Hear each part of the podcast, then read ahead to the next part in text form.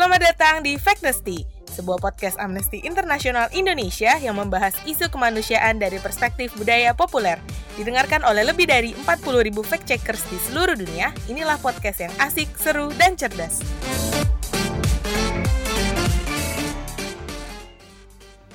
Halo fact checkers, jumpa lagi bersama saya Claudia Destianira di Factnesty. Sekarang kita mau ngobrolin hal yang santai dan fun tapi juga sedikit serius.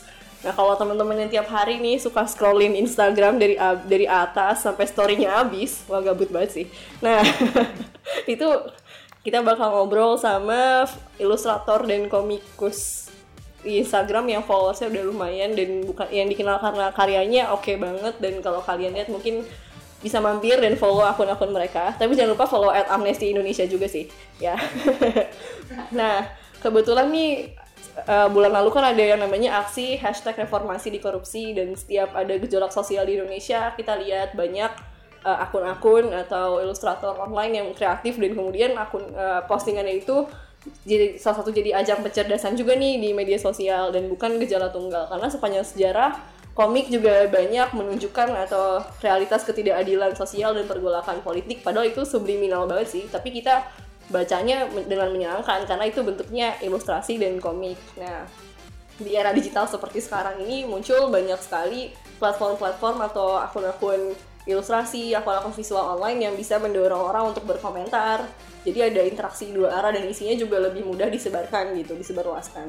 Nah, di, kalau di luar negeri sendiri secara global komik kayak Watchmen, Dark Knight Returns sampai V for Vendetta ya atau di Indonesia ada Gundala atau Sri Asih dari Indonesia itu ilustrasi dan juga komik-komik. Dia juga secara apa ya kasat mata secara tak kasat mata menyiratkan banyak sekali kondisi-kondisi ketidakadilan sosial dan politik yang tercermin di kisah-kisah mereka gitu. Misalnya Gundala sama Pengkor. Pengkor itu sebenarnya dia uh, punya keadilan versi dia diri dia sendiri gitu ya gitu kan. Tapi akhirnya pada saat yang sama yang harus diutamakan ya kemanusiaan gitu. Kalau di Indonesia kita punya komikus-komikus dan ilustrator berbakat seperti tamu-tamu kita hari ini. Ada Kak Desta dari at Comic Rookie I-nya dua ya teman-teman. Dan Kak Hari Pras dari at Hari Merdeka dan Kak Azer dari at Komik Azer. Yang kerap menggunakan medium komik ya mereka itu pakai komik untuk menyuarakan isu-isu sosial dan juga uh, visual. Nah mungkin kita bisa mulai tanya-tanya nih sama Kak Desta dan Kak Hari nih untuk masing-masing orang nih kalau Kak Desta Kak Hari sendiri kenapa sih memilih uh, platform visual kalau Kak Desta komik kalau Kak Hari Instagram itu visual ya ilustrasi khususnya online sebagai sarana untuk berkarya Monggo. jadi monggo monggo Oke. Enggak. Ngomong di sini. Eh, hmm, kenapa memilih Instagram ya? iya betul sama Sebenarnya eh, akun apa pun kalau bisa dipakai buat eh, bikin karya sih saya berusaha untuk bikin karya. Sebenarnya karena backgroundku kan juga eh, komunikasi terus kerjaanku sehari-hari di bidang komunikasi juga. Jadi eh, apa pun yang bisa aku manfaatin untuk cari ide dan membuat karya itu sebisa mungkin dibikin. Jadi eh, kalau sekarang mungkin yang berhasil itu di Instagram ya ya mungkin itu salah satu channel yang saya mainkan berhasil gitu. terus kalau menurut Kak Kak Desta gimana nih? Kenapa memilih medium komik online sebagai sarana untuk berkarya?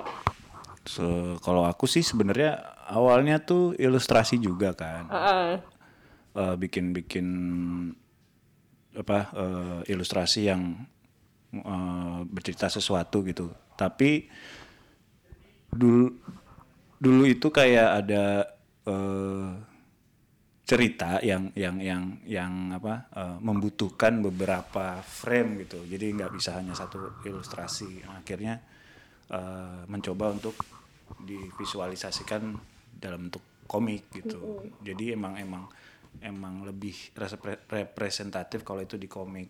Nah, habis dari situ kayak ya udah eh, eh, aku bikin karakter karakter karakter karakter yang akhirnya mulai dikenal orang gitu. Nah itulah sih kenapa aku akhirnya bikin komik gitu. Nah, mungkin bisa cerita dikit nih Kak Reza. Eh, kalau ditanya sejarahnya sejak kapan mm, mm, komik sebagai media buat eh media apa tadi? Aktivisme atau eh, komik eh, sebagai bentuk perlawanan itu sih gue nggak bisa jelasin terlalu detail ya karena gue bukan ahli sejarah komik dan gue juga takut melangkahi eh, bidang itu dan takut salah juga karena kalau mau nanya kayak gitu sebenarnya ada ada ada temen-temen gue Mas Hikmat Darmawan karena dia dia eh, peneliti eh, pengumpul dan ahli eh, komik terutama di Indonesia jadi kalau kalau gue ngelihat dari eh, dari kacamata gue sendiri itu yang kacamata tebel ini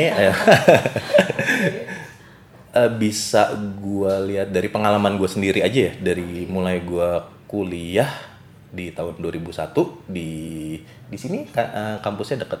Di mana tuh? di UBK eh enggak bercanda. Di IKJ sini. Ah, ya, ya, ikut kakak jualan. Ikut kakak jualan. ikut kakak jualan. Jadi dari dari situlah gue bisa eh, menjelaskan mm, hubungan antara komik dan ak- aktivisme. Itu kan pertanyaannya. Ya Iya, Nih. suka los soalnya gue nih. Eh, di tahun 2001 dan 2002 itu yang eh, di mana gue baru-baru gabung sama UKM di IKJ yang namanya Sekte Komik kan udah jadi lagi lagi lagi apa eh, lagi hot hotnya tuh gua jalan sampai jualan komik ada DIY bikin lapak di kampus-kampus kayak gitu-gitu. Eh, walaupun gua dan kawan-kawan masih membuat komik yang sebatas komik strip dan lucu-lucuan kayak gitu-gitu. Cuma ada beberapa juga eh, kita kan karena sering ada kalau kalau zaman sekarang mungkin kayak eh, zine fest gitu kali ya?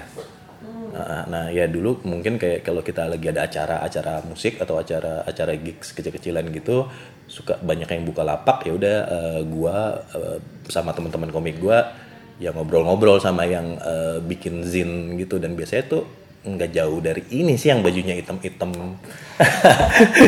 Anak-anak pang gitu ya yang yang nggak masalah. Gue juga dulu Punk ya juga sempet juga Eh, ya jadi kita saling tukar pikiran dan dari situ gue mulai tahu kalau kalau banyak juga eh, dari isi, isi dari zin-zin tersebut yang menggunakan eh, komik sebagai me- med- medium aktivismenya eh, menjelaskan aktivismenya mereka bahasanya mereka alat komunikasinya mereka dan tahun 2003 itu gua ke Jogja diundang sama eh, UKM komunitas eh, sekte komik gue itu diundang buat mewakilin dari IKJ ke Jogja ke acara Pekan Komik eh, Nasional keberapa gitu lupa. Dan situ mulai berkenalan sama anak-anak eh, anak-anak komik Jogja. Eh, ada ada ada eh, Tera ada ada Mas Eko Nugroho.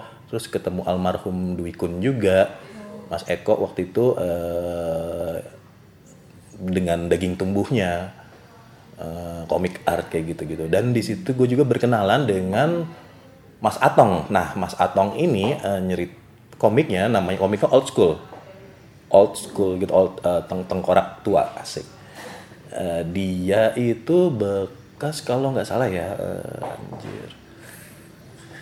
Bandnya tuh Black Boots Black Boots Jogja. Lagi-lagi anak pang lagi eh ya komiknya tentang ya ya ya kri- kritik dia tentang tentang pemerintah tentang militerisme. Ya ya ya ya kebayang banget sih karena kan dia kan yang yang yang yang mengalami masih mengalami orde baru. Kalau gua kan orde barunya sampai SMA kayak gitu. Jadi masih hangat di dia. Dia dia bikin komik yang menceritakan tentang hal itu. Terus gue juga tahu juga ada apotek komik ada taring padi yang medium mereka sebenarnya eh, eh, eh, treatment mereka sebenarnya komik eh, caranya juga komik cuma medianya di mural kayak gitu-gitu. Dan dan dan nggak nggak nggak bisa dibilang itu bukan komik juga sih. Eh, eh, karena menurut gua semua gambar yang ada teksnya dan bercerita itu komik itu menurut gue pribadi. Jadi kayak yang gua tahu sepengetahuan gua uh, itu ya sesuai dengan yang gue jalanin aja ya. Itu dari tahun segitu tuh udah udah banyak sebenarnya. Apalagi ya kayak taring padi apotek komik kayak gitu-gitu. Mas atong dan eh, daging tumbuh bahkan.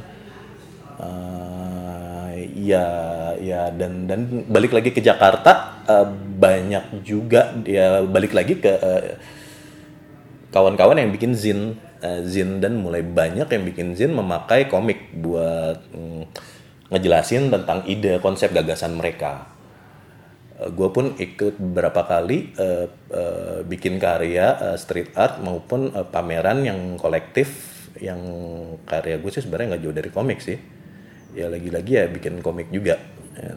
Yang yang yang berhubungan dengan eh, apa yang gue rasakan. Walaupun eh, waktu itu mungkin masih apa tuh istilah shallow ya?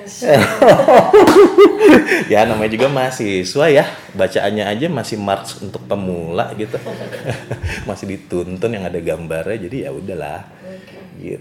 Wah oke. Menarik ya kak. Nah terus kalau misalnya dalam berkarya sendiri proses kreatifnya kak Hari dan kak Desta itu biasanya ngikutin tren yang udah ada atau emang lagi kebetulan ada ada keresahan sendiri gue lagi pengen bikin ini. Ah padahal itu nggak tren juga sih. Jadi kayak emang pengen dari misalnya dari udah lama nih ada isu tentang pen- penistaan agama misalnya atau misalnya kekerasan aparat terus akhirnya karena resah itu akhirnya bikin konten. Padahal itu lagi nggak ada kasus apa-apa gitu. Atau emang ikutin tren dan kemauan followers misalnya atau saran dan masukan dari followers.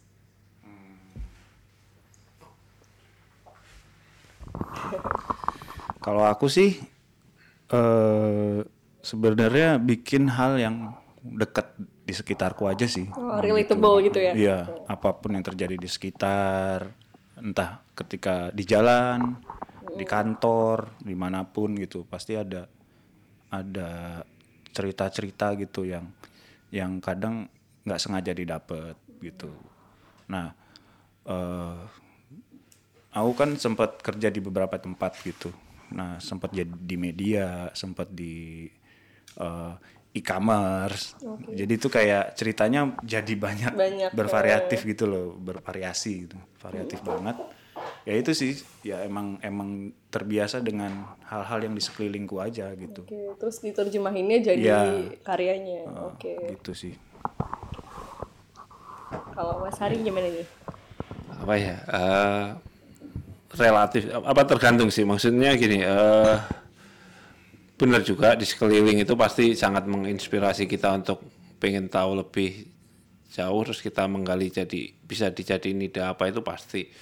Eh tapi eh, selain itu juga hmm, apa ya umpama kayak kita habis nonton atau habis ap- apa eh, dengerin apa ini bisa di di di apa ya diidein apa ya dari ini. Angle yang lain apa ya cara nyampein ini yang lain apa ya tapi dengan eh, nggak lupa karakter yang karakter atau yang Ciri yang khasnya, kita bangun ya. nah mungkin dengan karakter tokoh kalau ada. Kan kalau saya nggak nggak nggak pakai karakter orang ya apa bukan orang tapi cara cara ngewarnain dan cara menyampaikan pesannya gitu. Karakter saya di situ. Nah itu yang tetap dijaga. Sehingga orang ketika melihat itu tahu oh ini ini pasti si ini ini si ini gitu Oh iya, oke. Terus Kak ngomongin soal ciri khas dari brand akun masing-masing nih ya. Kan ciri khasnya berbeda. Kalau Mas Hari menggabungkan budaya populer dengan budaya lokal ya sering kayak waktu itu ada sepatu fans deh kalau nggak salah yang sama Sri Kandi sama Ken Arok atau apa ya. Terus udah gitu ada juga gambar Batman jadi Hansip, terus Joker jadi tukang maling ayam gitu ya. Kalau Kak Desta kan bikin isu yang awalnya berat, mungkin agak berat bikin orang jadi kayak mengernyit gitu. Selalu berat. Oh itu dari pendapat dari Kak Hari nih ya. jadi awalnya dianggapnya berat nih kompleks banget nih ngomongin DPR, tapi jadi relatable karena ya mungkin kata-kata yang digunakan sama visualnya sederhana dan eye catching gitu ya. Misalnya ide salah satu postingan itu yang aku inget itu pet- petisi sindiran buat koin untuk DPR itu. Nah menurut Mas Desa sama Mas Hari sendiri apa sih yang bikin brand kalian tuh berbeda dengan ilustrator atau komikus lain online lainnya dan dari mana sih datangnya eh, inspirasi kalian dan dari ciri khas itu ada nggak sih makna yang tetap yang terus bertahan dari dulu sampai sekarang yang itu yang mau disampaikan ke followers mungkin Oke.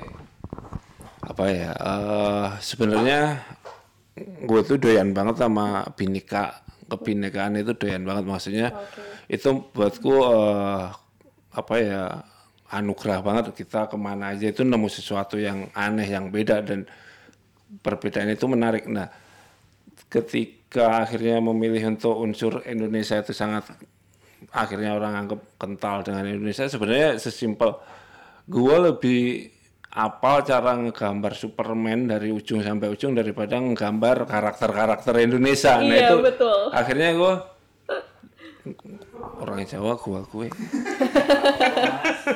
nggak apa-apa mas akhirnya itu yang apa ya yang akhirnya jadi jadi apa ya bahan pemikiran untuk membuat se- sebenarnya sindiran sin- sindiran simpel sih kayak eh di Indonesia ada loh Batman itu Hansi umpama Gatot Kaca pakai sepatu fans ataupun apa itu.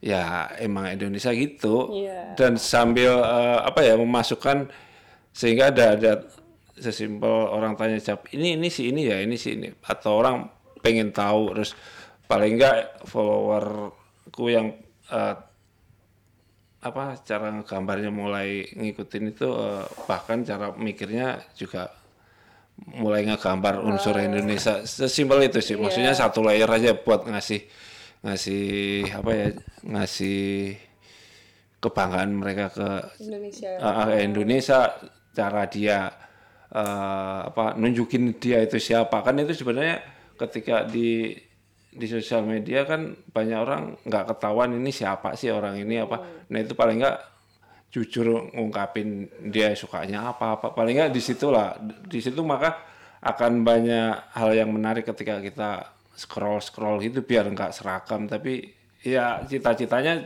sesimpel itu sih. Lebih ke situ sih. Makanya yang dipertahankan itu cara penyampaian pesan ataupun eksekusinya. Eh, bikin orang mempengaruhi orang-orang lain untuk lebih kenal budaya sendiri iya ha, lebih simpel. Jadi ya ada ada kritikan tipis lah. Gua gua nggak berani tajam banget kritiknya gua ngelakuin hal yang sama. hal yang sama. gua pakai sepatunya juga gitu mau gimana gitu. Paling nggak gua Iya.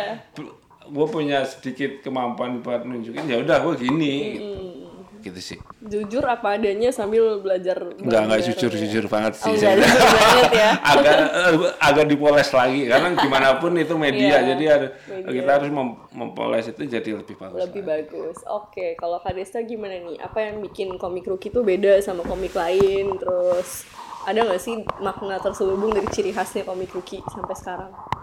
Em, kalau buatku tuh ngomik itu media pembelajaran buatku sendiri juga sih. Kayak em, aku bisa belajar riset di sini.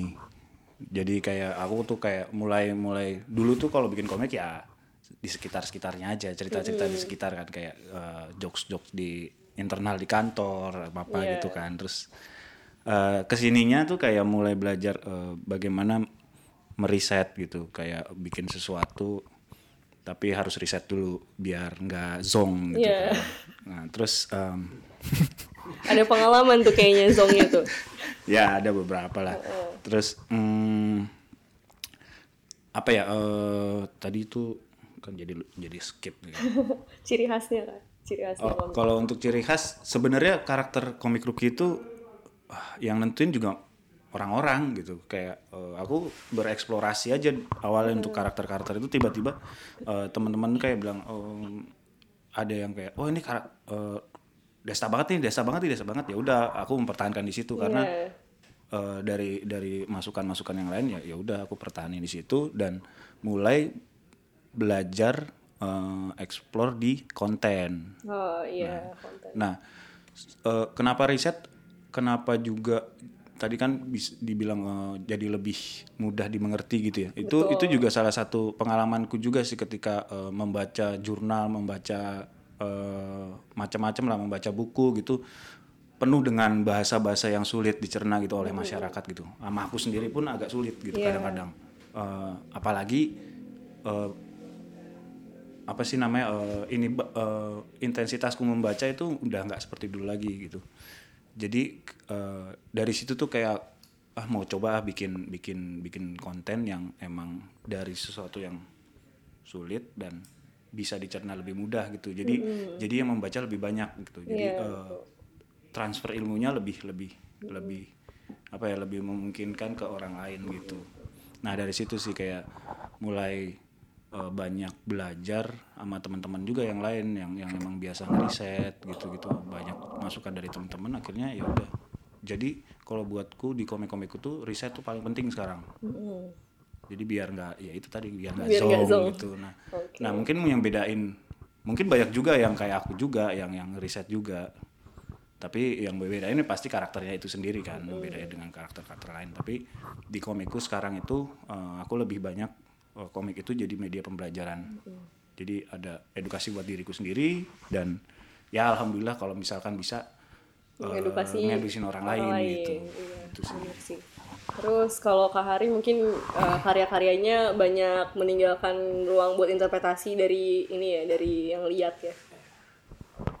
Iya, eh, gini, aku tuh jarang banget bikin caption ataupun tulisan di situ biar orang ber apa diskusi di situ. Dan itu saya saya eh, bisa tahu karakter orang yang masuk ke akun itu seperti apa gitu. Jadi nggak nggak kalau angle-nya tak pindah ke sini gimana sih? Kalau angle-nya gini umpama orang lihatnya cara angle-nya di sini. Nah eh, karakter Rana Jogja itu selalu ada twist kan. Iya. bikin apa-apa selalu ada twist. Gue twistnya ke sini deh gitu. Nah itu eh, gimana sih ngelihatnya gitu. Nah itu akhirnya banyak pro kontra ataupun diskusi ataupun apa ya monggo aja. Tapi kalau udah ngarahnya udah ke bahasanya makin kasar apa kadang tak deletin. Nggak nggak nggak nggak nyaman aja. Karena gimana pun juga eh, follower gue itu bukan cuman mereka ya siapa mereka gue kagak kenal. Tapi beberapa yang gue kenal ada klien gue ada saudara Oh, iya. ada apa. Nah itu yang aku jaga gitu. Karena kayak kemarin bikin karena apa ya suatu gitu yang protes anakku protes Mas Hari gambar gitu hah aku minta maaf Nggak minta maaf. ya udah gitu kayak gitu kan juga kita nggak kepikiran, Nggak kepikiran, kalau mau ya. dibablasin bablasin cuman kan kita bentuknya dari awal orang taunya seperti itu mau mau belok kadang ah, gitu Iya betul sih. Oke. Terus kan lagi rame nih ya mas bulan kemarin itu ada aksi reformasi di korupsi itu ya. Terus ada banyak banget masalah legislasi yang bermasalah lah kayak RKUHP, pertambangan minerba, pertanahan ya. RUU RUU banyak lah termasuk revisi UU KPK. Dan aku udah lihat kemarin sih ada ini ya komik Ruki bikin komik pencerdasan tentang isi RKUHP beberapa hal yang janggal ya. Terus Mas Hari juga merespon dengan merespon aksi-aksi itu. Ya dengan yang yang aku lihat tuh yang ibu-ibu terus sama polisi sama mahasiswa itu ya itu juga demo apa namanya harus rukun ya karena saudara gitu. Sebenarnya apa sih yang bikin Mas Desa Hari itu akhirnya apa ya tergerak untuk bikin komik atau bikin ilustrasi tentang aksi kemarin gitu? Apa yang membuat Mas Mas ini pada sadar dan ingin menyebarkan ah bikin konten lah yang, yang tentang ini gitu. Padahal sebenarnya itu kan agak berbahaya ya di era sekarang yang kebebasan berekspresi itu agak sulit untuk orang jadi takut untuk ngomong gitu. Kenapa? Iya, oke. Oh iya. Berbahaya dulu kenapa? Eh, dulu gue ingat banget tiap kali nonton film apa ke Indonesia kalau nggak apa eh, gadis metropolis apalah kita didondir dengan sesuatu yang isinya seneng-seneng seks dan lain-lain film lawak endingnya cuma di pantai bah gila ngeri banget loh dulu penyanyi kita ngomongnya apa cinta-cintaan doang Iya. Sekarang menurutku lebih bebas. Menurut gua makanya sekarang aku mer- merasa nikmatin ketika banyak orang bisa protes mahasiswa dipanggil presiden nolak. Iya. gila zaman dulu. Mana bisa? It, it, it- itu yang saya nikmatin terlepas dari eh, benar salahnya karena saya jujur be- saya itu nggak pernah bikin mau bikin karya kalau nggak tahu konten persisnya. Itu Oke. songnya tadi.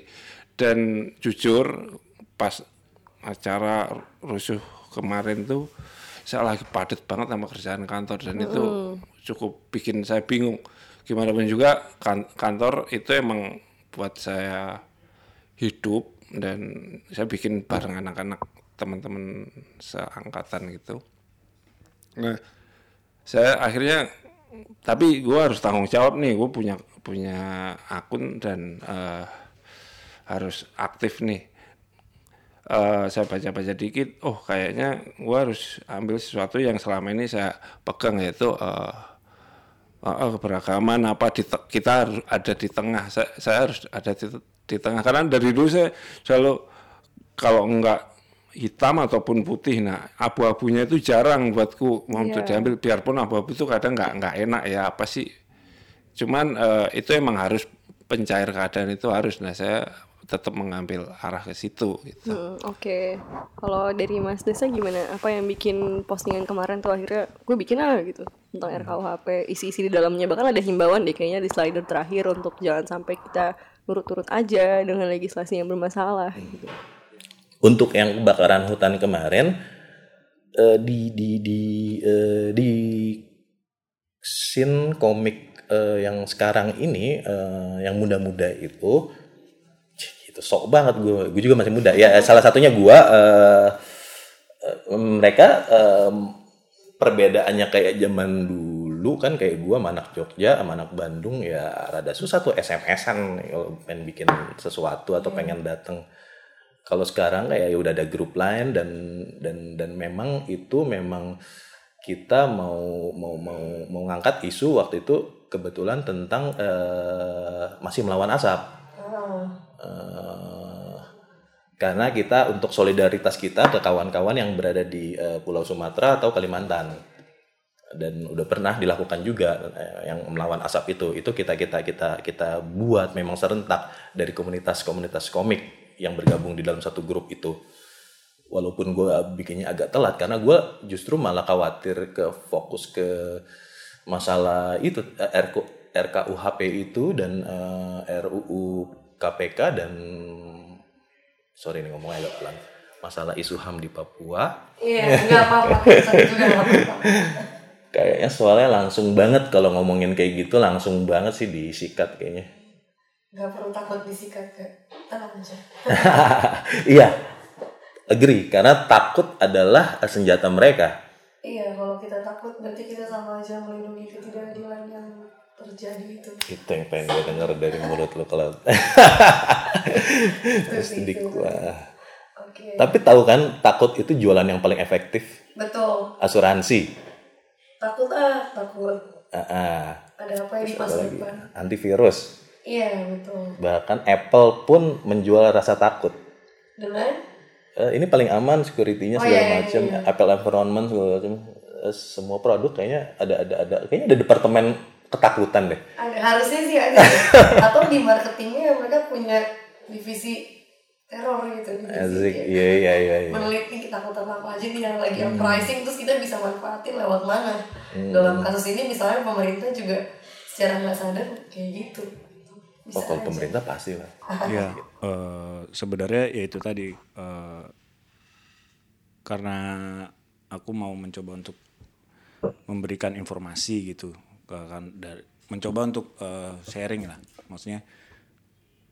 Aku sebelum bikin itu pun juga riset, maksudnya eh, ketemu sama beberapa orang untuk eh, ini kalau gini eh, oke nggak kalau gini. Jadi eh, informasinya valid nggak, informasi valid nggak. Nah, Nah di situ tuh aku pengen sharing tentang informasinya sih. Eh, apa sih ribut-ribut ini karena apa gitu. Jadi biar nggak ada misleading, nggak ada nggak ada cuma ikut-ikutan doang gitu.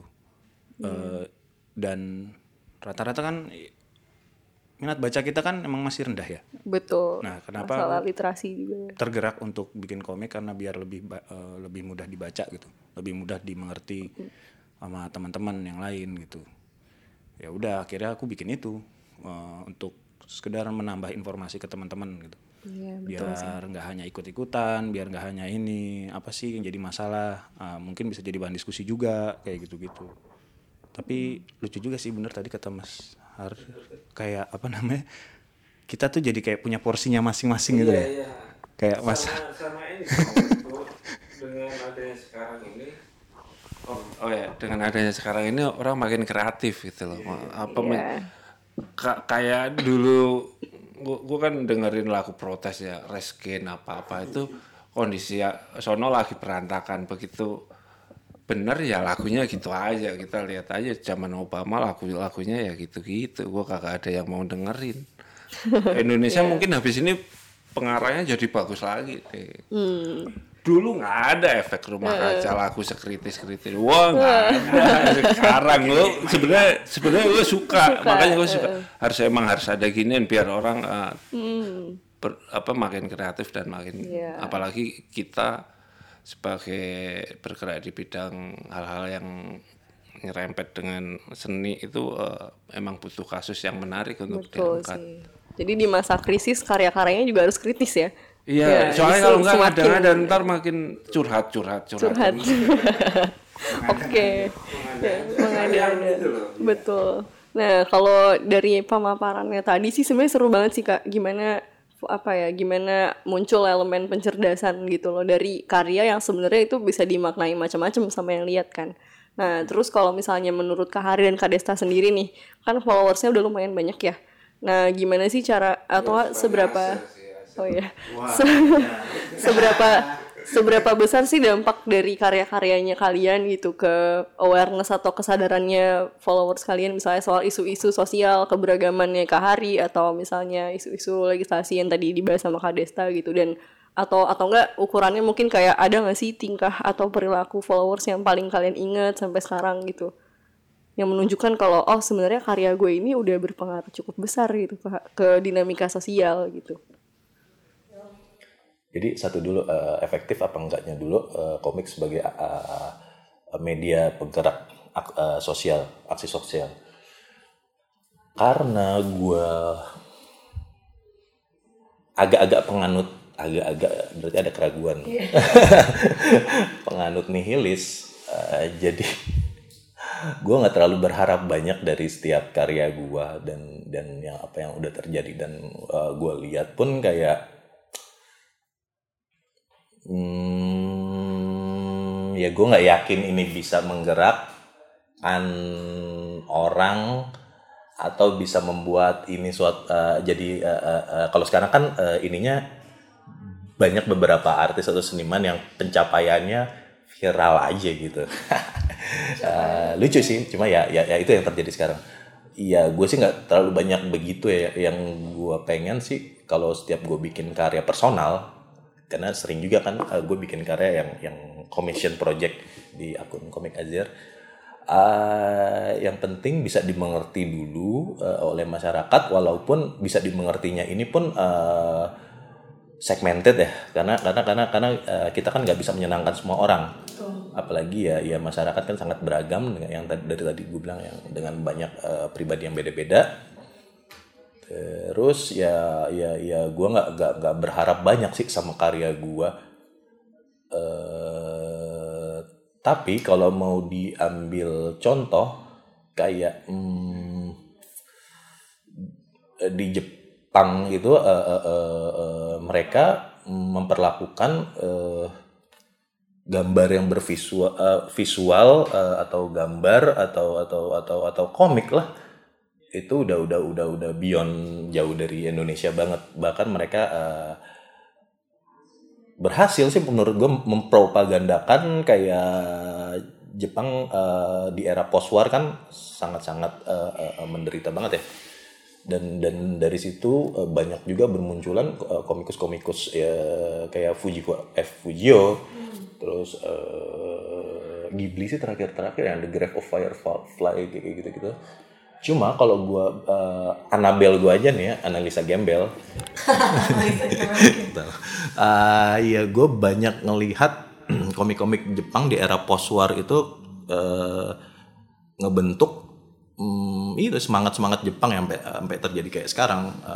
Gue gua nggak berani eh, ngasih contoh dari komik Indo karena eh, selain gua nggak terlalu paham dan gua nggak hidup di era eh, eh, waktu komik Indonesia Jaya, ya gue cuma bisa ngambil contoh yang dari Jepang karena gue juga menyukai komik Jepang. Eh, bisa dilihat kayak ada ada ada, ada komik-komiknya As Astro Boy. Astro Boy kan dulu namanya Atom Boy. Tapi kayak Jepang ya. Cuma mungkin karena di Amerika jadi karena ya gitulah dirubah karena namanya terlalu sensitif. Karena Amerika pernah membunuh banyak dengan atom. Amerika halo.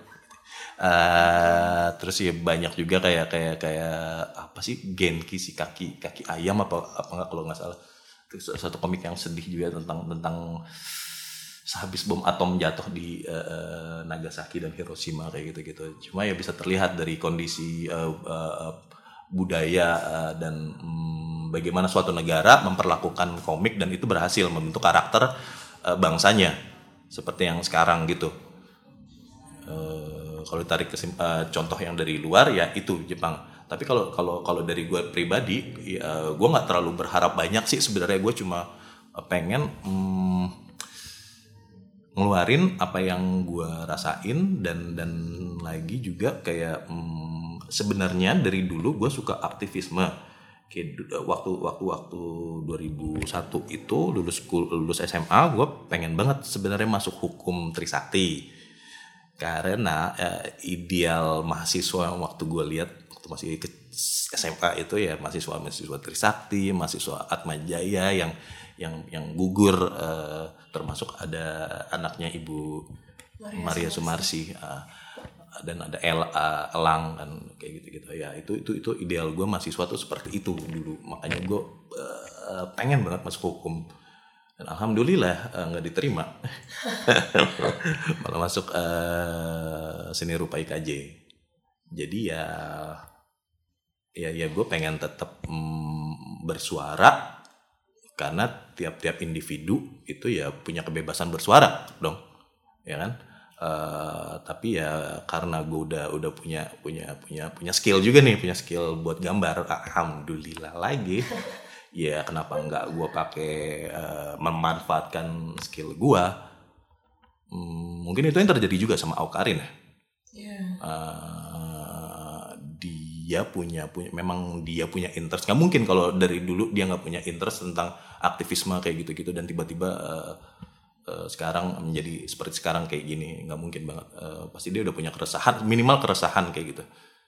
Dan sekarang dia punya waktu punya punya uang lagi ya ya ya dia do it in the right way sih kalau menurut gue gitu sih Eh, iya, jadi ya menurut gua kalau jadi eh, orang atau individu lah kalau misalnya lu punya punya punya apa sih namanya privilege kayak gitu ya lu manfaatin yang bener aja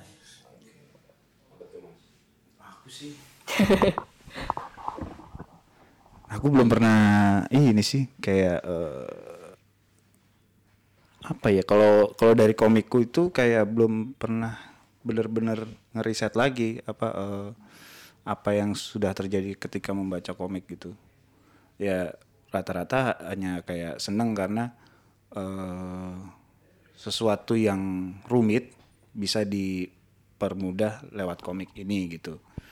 Eh, kalau untuk sharing pengalaman yang lain oh tapi nggak nggak ngomongin sosial lebih kayak mereka lebih curhat sih lebih curhat tentang masalah-masalahnya masing-masing. Oh, oke. karena aku punya punya project di situ gitu. Aku emang emang suka tiba-tiba nanya hal random gitu ke orang-orang tentang tentang apa yang apa yang jadi masalah mereka gitu. Untuk itu untuk sebuah riset juga sebenarnya. tapi kalau masalah eh, aku lebih ini eh, yang tadi aku bilang gerakan sih kayak bukan di komik tapi justru aku bikin sesuatu gerakan yang itu Oh, oke. Apa tuh? yang aku bisa aku bisa melihat hasilnya gitu. Aku bikin gerakan lemari buku-buku gitu yang yang ngumpulin buku terus eh, kita sebar ke daerah-daerah. Nah itu itu aku bisa ngelihat sekarang udah bisa ngelihat hasilnya maksudnya eh, teman-teman tuh sekarang bergerak sendiri jadi nggak nggak nggak lewat aku lagi gitu. Teman-teman udah punya semuanya bergerak organik gitu.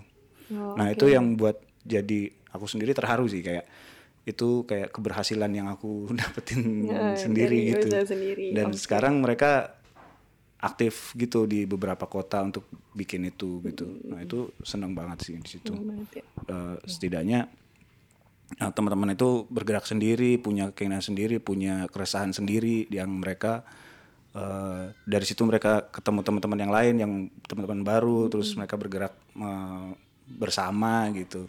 Nah itu menyenangkan sih kok tahu ada hal seperti itu. Iya. Oke. Kalau Gitu. Pak Hari gimana kak? Yang tadi pertanyaan terakhir kan ada orang satu Apa? Yang mana? yang perilaku aneh. Oh kalau perilaku aneh ya itu doang sih kayak tiba-tiba Eh, diceritain nggak apa-apa kak? Oh ceritain nggak apa-apa ya Iya, kayak nggak kayak tiba-tiba eh, karena karena aku bikin karakter perempuan gitu kan. Jadi Iya. eh, mungkin banyak yang mengira itu aku perempuan. Jadi Hmm. sampai ada yang ngajak pacaran lah. Aduh aneh Aduh, banget. emang sih terus juga. Iya pacaran sama karakter komik, komik, aja. dan memang itu, Itu sih. dan memang ciri khasnya mungkin komik rookie juga kalau ngasih narasi tuh kayaknya feminin gitu loh. iya mungkin ya aku Pas ngomongin aku sadar pas ngomongin KUHP tuh kayak yang kita damai ya, diplomatis gitu. Jadi orang mungkin ngiranya juga terpengaruh oh ini Ya, kayaknya mungkin perempuan ternyata deh. aku lesbian Iya. terjebak dalam Mungkin tubuh ya. laki-laki Heeh, mungkin. Oke. Lanjut kalau Kak Hari gimana nih? Menurut Kak Hari vis- apa platform Kak Hari Merdeka ini udah ngasih apa ya? Udah ngasih dampak belum sih ke perubahan-perubahan atau dinamika sosial? Terus ada nggak sih perilaku aneh dari followers yang selama ini diingat gitu? Atau misalnya lap- eh, postnya pernah di report, pernah dihilangin gitu karena nggak suka misalnya sama postingannya. perilakuan eh apa apa dulu ya tadi pertanyaan ada berapa tiga ya.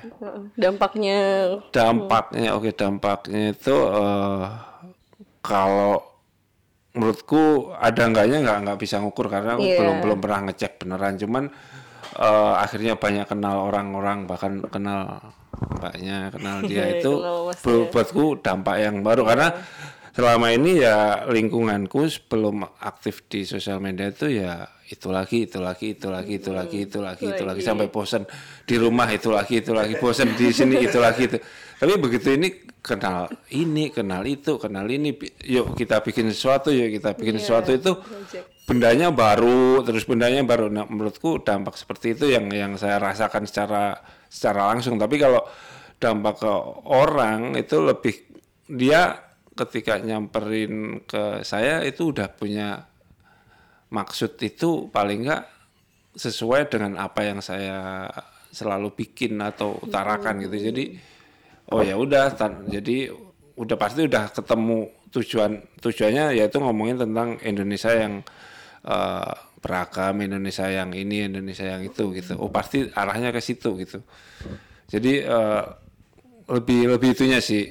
Terus kalau pengalaman aneh hmm, apa ya? Ya gitu gitu gitu aja sih. Kebanyakan sih naik apa ya eh, apa ya? Apa ya?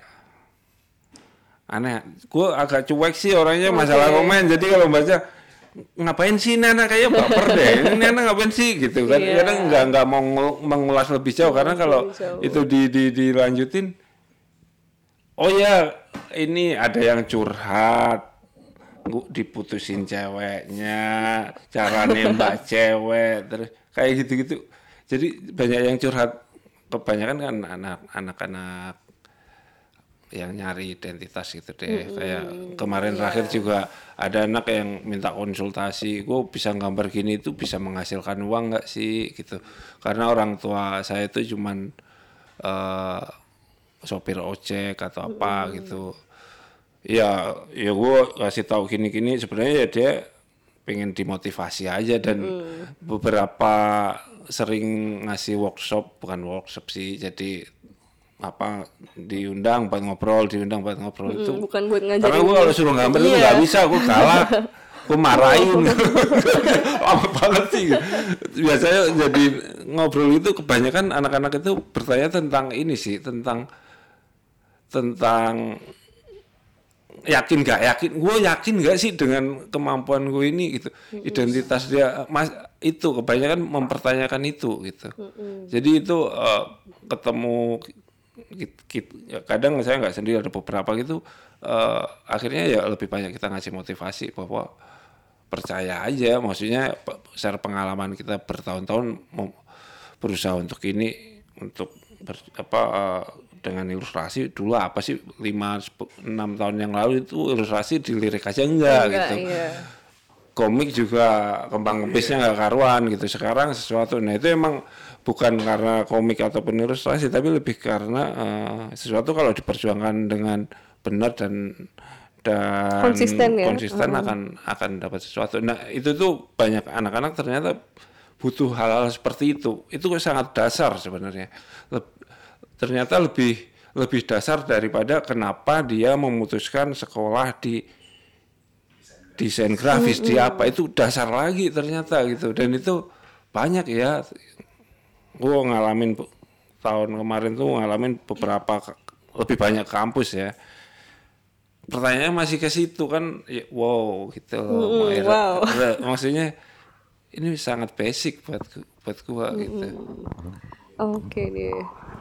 Selanjutnya nih kak ngomongin soal media visual ya itu kan kuat banget sebenarnya untuk mempengaruhi apa ya awareness atau kesadaran orang-orang ya secara sederhana. Kita tuh bisa milih untuk nggak baca satu hal, tapi kalau misalnya elemen visual tuh kita cepet kan prosesnya kayak berapa detik kita bisa oh ngasih ngasih apa ya makna dari satu vis karya visual gitu.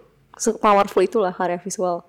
Nah misalnya kayak kalau di apa ya komik-komik Superman Peace on Earth tahun 99 itu ada upayanya dia buat mengakhiri kelaparan dunia misalnya. Atau kayak Gundala memperjuangkan ketidakadilan di Indonesia gitu ya. Itu kan komik yang mungkin punya cerita yang cukup berat gitu. Tapi karena dia powerful jadi mungkin orang-orang yang males baca yang nggak ingin baca juga jadi ikutan peduli gitu sama isu-isu kebinekaan misalnya. Atau ya atau isu-isu misalnya kayak eh, apatisme. Atau misalnya eh, aktivisme anak muda gitu lewat komik rookie. Nah, kalau menurut Kak Hari dan Kak Desta sendiri, menurut kalian ada nggak sih eh, apa ya namanya?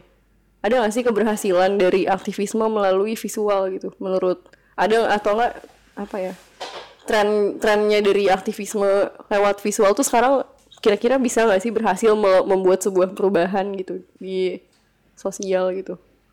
dan tantangannya apa aja ya untuk kira-kira kita bisa nggak sih menekan misalnya menekan apa ya keadilan sosial melalui karya-karya visual gitu. Sebenarnya itu nggak langsung kan nggak secara langsung mempengaruhi keputusan. Tapi banyak orang yang jadinya ikutan sadar ikutan aksi ikutan demo karena mungkin terpacu ter apa ya termotivasi karena karya-karya dari Kak Hari dan Kak Desta misalnya. Nah menurut kakak-kakak sendiri efektif nggak sih tuh si visual itu untuk dalam dunia aktivisme sendiri? Kayaknya berat banget nih mungkin Gi- eh, Iya mungkin ada ada pengaruhnya ada yang pasti ada. Kenapa? Karena eh, ketika itu ternyata banyak yang mengikuti baik itu di- dimanfaatkan jadi hal yang negatif ataupun positif itu banyak kan ternyata memakai cara itu mungkin memang ini zamannya zamannya media visual itu Bangkit muncul ya, gitu. dan makanya eh, kalau saya pribadi sangat berhati-hati untuk bikin sesuatu itu selalu banyak pertimbangan bukan karena apa-apa tapi lebih karena eh, ini melenceng sedikit itu rusak ngerusakinya rusaknya banyak juga loh gitu loh. Eh, itu yang yang ya mungkin gue udah tua udah terlalu sadar dulu mah bodo amat gitu kan jadi curhat. Gue maksudnya itu itu itu alami sih.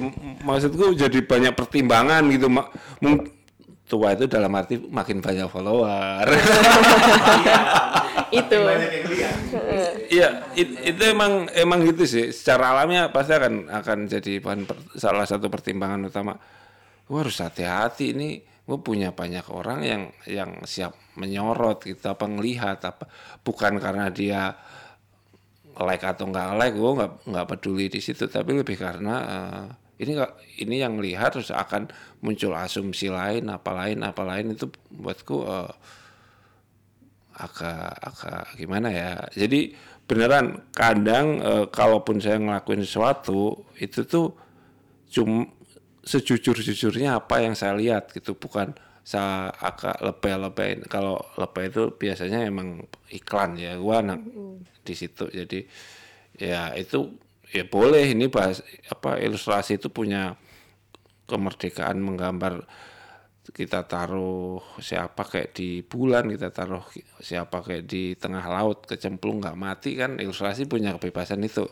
Cuman eh, dengan ketika ngelakuin itu kita harus punya ini sih eh, konteks alasan kenapa gambarnya kayak gini kenapa itu jadi pertimbangan jadi emang eh, mempengaruhi iya tapi eh, menjaga at- kita bikin aturan buat diri kita sendiri karena eh, kita harus sadar itu efeknya berbahaya kalau kita eh, asal gitu sih.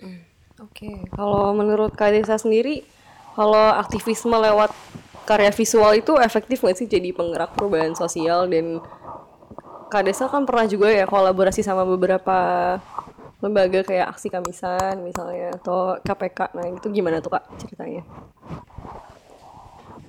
Kalau sebenarnya dari contoh-contoh tadi sih udah udah cukup menjawab sih kayak eh, oh aku jadi ingat ini sih eh, sebuah artikel yang dibuat adik kelasku waktu itu. Oke. Jadi eh, dia bikin artikel tentang kemajuan sepak bola karena mangga Hmm, di Jepang. Oke. Kenapa di Jepang itu eh, sepak bolanya sekarang mulai mulai naik, mulai mulai ini karena salah satunya itu manga. Karena banyak manga tentang sepak bola waktu itu kayak itu kayak doktrin buat orang-orang iya. masyarakat untuk wah kita kita bisa kita kita hebat gitu gitu nah itu itu udah jadi saya kayak apa sih contoh aja sih kok contoh gimana visual itu bisa mempengaruhi masyarakat gitu. Dan banyak juga kayak misalkan yang demo kemarin gitu kayak hal-hal receh kayak eh, teks-teks itu kan jadinya visual juga gitu. Dan itu jadi menggerakkan orang-orang juga kan gitu. Iya, betul. dari situ jadi lebih mudah eh, mengerti orang-orang. Nah itu sih. Kalau di komikku sendiri ya aku juga pernah punya pengalaman sama sih kayak Mas Har kayak gitu ya. Banyak yang curhat gitu. Setelah membaca komikku misalkan. Jadi dulu pernah bikin eh, aku pernah kayak iseng nanya gitu eh, coba ceritain dong tentang permasalahan kalian gitu. Terus waktu itu banyak cerita gitu. Terus beberapa cerita aku bikinin komik. Di situ setelah itu banyak lagi tuh yang lebih kayak curhat lebih dalam gitu. Kayak hal-hal yang eh, lebih personal banget gitu dan dan aku jadinya jadi pendengar di situ yang yang kadang-kadang kalau memang memang isunya bagus isunya maksudku eh, wah harus di ini ini dikomikin gitu aku akan izin ke dia untuk bikin komiknya untuk bisa disebarluaskan biar ada informasi gitu loh ke orang-orang Oke. Nah kayak gitu sih pengalamanku seperti itu. Dan ya itu tadi benar. uh, semakin ke sini aku bisa ngelihat pembacaku siapa gitu. Di situ juga aku jadi hati-hati sih. Kayak uh, ternyata pembacaku juga banyak yang masih SMA, masih masih muda-muda lah gitu. Nah itu harus benar-benar hati-hati juga gitu. Uh, ketika aku bikin konten, wah jangan sampai jadi jadi apa ya?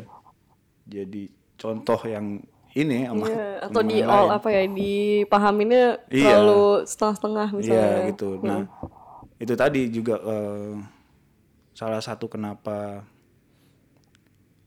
komikku berusaha untuk sebisa mungkin mudah dicerna salah satunya itu. Jadi biar bisa masuk ke teman-teman ini gitu, biar bisa mudah dipahami. Jadi eh, mungkin mereka bisa berpikir lebih jadi lebih eh, oh iya mungkin rela- relate dengan mereka kayak gitu. itu apa ya eh, apa ya eh, kekurangan sosial media ya. Dia bisa memberi sesuatu ke kita tapi ngefilternya itu juga ada dari kita sendiri gitu sih. It- jadi itu itu sih. Makanya banyak orang yang aneh di sosial media buat gua ya ya ya itu itu salah satu kekurangan sosial Iya. namanya juga bukan orang mesin gitu Berbagi ruangan buat semua orang ya Iya jatuhnya. iya. Makanya dari awal itu eh, kalau bisa dibilang saya emang sengaja ngeset sosial media itu emang media gitu. Beneran hati-hati di situ, nggak nggak asal gitu. Iya. Eh, terus kalau misalnya kan sebenarnya udah banyak ya kak, apa namanya konten-kontennya komik Ruki maupun Hari Merdeka yang bisa dibilang kadang-kadang kontroversial misalnya. Mungkin eh, pendapatnya Kak Desta dan Kak Hari terhadap kebebasan berekspresi di Indonesia tuh gimana sih? Kayak apalagi sebagai apa ya seniman ya maksudnya. Kalau misalnya dibatasi gitu menurut Kak Kak Hari dan Kak Desta tuh gimana sih seharusnya gitu keadaan Indonesia apalagi ini ekspresinya dalam bentuk visual ya dalam bentuk karya Sen- seniman dibatasi geraknya. Mm, misalnya ada hal-hal yang Se- tabu seni- diomongin se- oh, misalnya atau misalnya dilarang sama Justru pemerintah seniman gitu. itu paling jago ngakali dibatasin dengan Dibatasin, kekurangan ya. akan muncul sesuatu yang luar Oke. biasa. Jadi pertanyaannya nggak pas buat seniman. Oke, justru aku ini lagi ya, ngorek-ngorek nih caranya gimana. Bisa ngelakuin itu. Paling jago ngeles menurut gua. Dia Hmm. ah gua nggak bisa sini lewat jalan sini. Eh, Karena makna- mana, otak otak seniman menurutku itu itu tuh eh, selalu mencari pembeda. Hmm. Gua harus beda, gua harus beda, gua harus beda. Itu tuh kayak emang ditanam udah dari dulu. Jadi ketika Hah, dibatasin apaan? Gue bisa lewat Cari sini. yang apa." lain. Jadi itu menurut gue eh, seniman makin ada batasan makin buatku makin jago jago. ngelesnya makin kreatif ya. Ya. Heeh, Oke, menurut Kak Desa gimana? Tapi aku juga pernah dengar-dengar selintengan juga sih kayak eh, ada beberapa seniman yang kita kalau nggak ada masalah kita bikin apa gitu. Oh oke, menarik banget. Iya benar sih. iya, mereka akan bingung malahan ketika kita nggak resah lagi tuh ya Kita bikin kita apa? malah bisa bunuh diri nih. Gitu. Iya, kalau diresah-resahin juga nggak boleh ya. iya, jadi a- karena jadi karena ada keresahan-keresahan itu jadi kita bisa eh, membuat sesuatu gitu. Betul sih. Itu Jadi sih seniman kan begitu. hikmahnya masa-masa seperti ini buat seniman Iya. tuh banyak inspirasi ya, banyak. Tapi kalau kalau bisa Oke. tadi Mas Har juga udah, cerita kalau ki- sekarang tuh jauh jauh lebih aman ya kalau kebebasan itu jauh lebih lebih bagus. lebih bagus gitu. Kita ngomong apa aja juga eh, ya bebas sekarang nggak kayak dulu, nggak kayak zaman-zaman dulu banget. Kan gimana mengontrol itu Ya. jadi sesuatu yang menarik. Hmm, Oke, oke. Kontrol itu sih. Kontrol sih kita tuh masalahnya menurutku di situ sih. Oke. Kita sampai ke pertanyaan terakhir sih. Sebenarnya masih banyak sih yang mau diomongin. Mungkin ada nggak sih ambisi ambisi konten yang di masih bentar ya Kak ngobrol. Ada nggak sih ambisi konten yang mau dibuat nih sama Kak Hari sama Kak Desta di masa depan gitu? Terutama di konteksnya maksudnya kayak tentang sosial ya, tentang hal isu-isu sosial gitu. Yang belum tercapai nih sampai sekarang. Aduh gue pengen bikin karakter ah atau gue pengen bikin serial misalnya atau mau bikin motion graphic atau apalah yang pengen dibuat. Apa ya ambisi konten. Eh gue tuh kan punya eh, apa ya istilahnya prinsip kalau bikin karya itu ya apa ya sesuatu yang bagian eh, ibadah gua bagian dari doa gua. Karena gua itu sesimpel kalau gua maki-maki orang ya ntar baliknya ke gua dimaki-maki. Sesimpel gua eh, bikin karya yang apa or- orang biasa aku bi- bikin jadi cantik pasti baliknya akan dipuji atau eh, iya. sesuatu yang jadi emang hal-hal yang baliknya itu positif buat gue itu buat gue jadi eh, energi positif buat bikin karya nah eh, eksperimen itu yang selalu gue mainkan dalam waktu pendek misal gue kalau gue ngelakuin eksperimen ini untuk eh, apa bikin konten dengan ini gue akan meng- apa dapat hasil doa gue ini apa ya? Itu sih percobaan itu yang selalu gue mainkan. Jadi bukan yang ke depan gue bikin animasi bikin apa. Gue gue selalu tadi aku saya gue Enggak apa-apa. itu apa? Selalu ini sih eh, bukan hasil eksekusinya tapi hasil kalau eh, proses. Kalau gue sama dia ini akan jadi sesuatu apa ya? Ya makin cepat makin bagus. Karena goal-goal pendek buat itu lebih menarik daripada gue menabung lama baru Baru di launching ya, baru di oke. selalu di, di zaman sosial media ya kalau aku lihat komiknya dia gitu. Itu emang selain kreatif sama eh, kreatif sama ide satu lagi kecepatan Hmm, hmm, kalau kecepatan. kalau nggak cepet ya basi gitu loh. Se- sejago kita gambar kayak apa sekreatif kita mikir kalau nggak cepet ya percuma gitu. Makanya eh, emang yang aku pikirkan emang pendek-pendek aja. Oh ke, ke depan gue mau bikin ini dalam dua target dua minggu apa apa, apa lebih ke situ sih. Oke. Kalau Kak Besta gimana? Hmm, kalau aku lagi lagi ini sih sekarang lagi mencoba untuk kembali apa eh, ada tiga hal yang yang harus dipegang seorang kreator menurutku yang dan aku lagi belajar. Pertama itu kayak hmm, kecepatan tadi. Terus eh, behavior sama skill. Oke. Eh, jadi kayak ketiga itu yang masih eh, belum belum aku milikin gitu. Maksudnya eh, belum belum ya aku lagi ngejar ketiga itu ngejar gimana aku bisa bikin karya yang baik skill skill dalam artian bukan hanya gambar aja tapi gimana eh, kontennya gimana terus eh, risetnya gimana belajar risetnya gimana. Belajar masih belajar terus belajar itu. Terus kayak behaviorku juga nggak baperan. Itu suatu yang sulit buatku nah itu lagi lagi belajar juga. Terus kayak eh, gimana eh, berhubungan dengan orang lain gimana itu itu juga masih dalam tahap pembelajaran. Terus sama tadi behavior ke- sama kecepatan. Mm-mm, masih di Nah, masternya. aku, aku jujur aku agak mudi kan. Jadi eh, itu harus mulai di ya bisa di eh, apa ya tanggulangi lah dengan hal lain atau gimana gitu sih. Kalau aku lebih ke situ Mm-mm. Eh, ya masih belajar di situ meningkatkan meningkatkan itulah supaya karyanya juga nanti Iya. lebih lebih Iya, mengedukasi dan lebih menarik Betul, lagi. amin Ya. kalau bisa itu Makasih. Oke deh. Makasih ya Kak Desta dan Kak Hari untuk sesi ngobrol-ngobrol asiknya hari ini dan mengenal kenapa sih bisa ada Hari Merdeka, kenapa sih bisa ada komik rookie gitu ya. Dan ya itu tadi aku suka banget sama kutipannya Kak Desa yang kalau kita nggak resah kita mau bikin apa lagi gitu dan memang dan dari Kak Hari sendiri seniman tuh emang oke banget ngelesnya kalau lo lo blok kita di jalan sini, kita bakal cari jalan lain. Nah itu oke banget sih dua kutipan itu. Oke, sampai jumpa teman-teman di podcast podcast lah podcast Fagnesti yang lainnya. Terus jangan lupa juga dukung 9 agenda HAM ya. Kalau teman-teman punya keresahan juga di bit.ly slash komitmen 9 agenda HAM. Atau kunjungi amnesty.id slash pena untuk teman-teman yang masih mau nulis surat.